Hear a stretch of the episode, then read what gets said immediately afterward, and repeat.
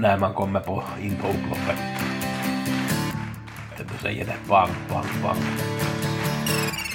Vi hämtar stora, stora slantar.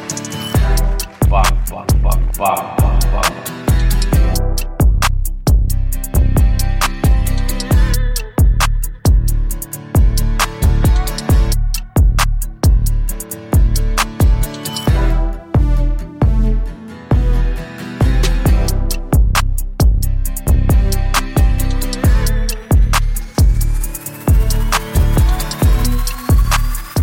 Gosse med veckopodden.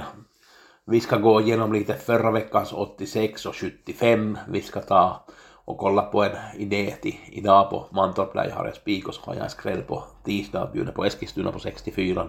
Kolla lite på 86ans lista och 75an på lördag. Eh, veckans paket, ni som har månadspaketet så är ju klart men annars gustaf.hager.gmail.com. Jag har på onsdag V86 Åby Solvalla och på lördag V75 Jägersro. V86 Jägersro Solvalla förra onsdagen, det gav 146 000 på 8 rätt. Jag hade ju en tipset, så det var ju kanske inte den här allra bästa så resultatet. Det var ju Give Me Five NO som vann det här loppet. I första hade jag André Ward som idé, där tyckte jag att att äh, kusken borde kanske ha valt en annan väg. Jag tycker att han kunde ha klarat sig i det här loppet man skulle ha valt att gå en annan väg men nu blev det ju så här. Nästa start ska vi nog se upp för André Wård för jag tyckte att den gjorde ett bra lopp och såg bra ut med kraft och vara över mål. Vi tar V75 på lördagen, där hade jag Mighty i första som etta. Den fick ju betydligt bättre spår när tvåan blev struken. Den här, kanske det var den här banan som gjorde sitt och den fick ju öppna ganska hårt innan den fick spets när Raja Knight svarade så att det var Kinky Boots som vann från fjärde utvändigt. Den hade jag med i B-gruppen där så att jag hade den ganska högt nog.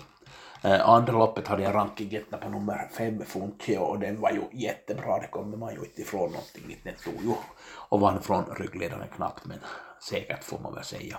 Tredje loppet, där var det Valmar EV som jag hade som etta, den tog spets, ledde väldigt länge.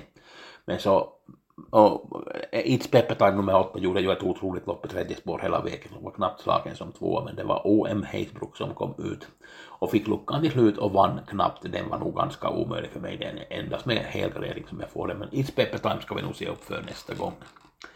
I fjärde loppet vann nummer ett Wilson, Wilson Leilock från spets.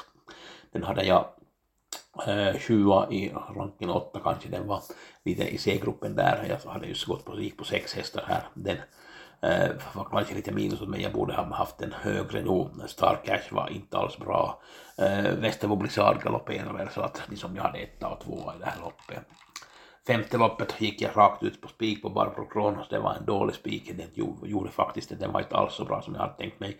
Det blev favoritseger med Ready Tonight som jag hade tvåa. Den har ju fem raka segrar nu. Sjätte loppet så trodde jag lite på Miking, den var framme i döden där, jag tyckte att den gjorde bra lopp, men det är ju svårt utan det är en points birdie som är obesegrad i spets, sju starter i spets och 7 vinster. Den fick lite turligt spets där, men man ska inte ta ifrån den segern, det var ju några som galopperade där. Och i sista loppet så hade jag Phoenix Foto som skräll i det där, den var tvåa mål. Jag tycker att den borde ha gått förbi för att få helt godkänt. Indy Rock vann från dödens och var ju jättebra i andra starten för Redén. Vi har V64 idag på Mandorp, jag tror att vi har en bra spik, den är ju favorit men den är i första loppet så att det är ju Maltese Magic nummer 7 så att det är Claes Svensson som kör. Men jag tycker att den har hittat en bra uppgift här och, och var ju tvåa senast på 14 och 6 så det var inte långt efter den går på Åby där femte i tionde, det var ju Majos Rose och Conny Gustafsson som skräll vann den gången. Men jag tycker att vi ska ta och spika Maltese Magic i, i, i, idag på V64, vi gör ett system. Imorgon har jag en liten skräll i dagens dubbel 1.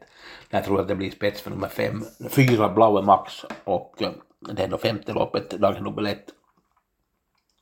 Senast gav han sig på slutet och tror jag att det blir spets och slut det är lite enklare emot och den är 4-5 procent spelad men det kommer förstås till ändra.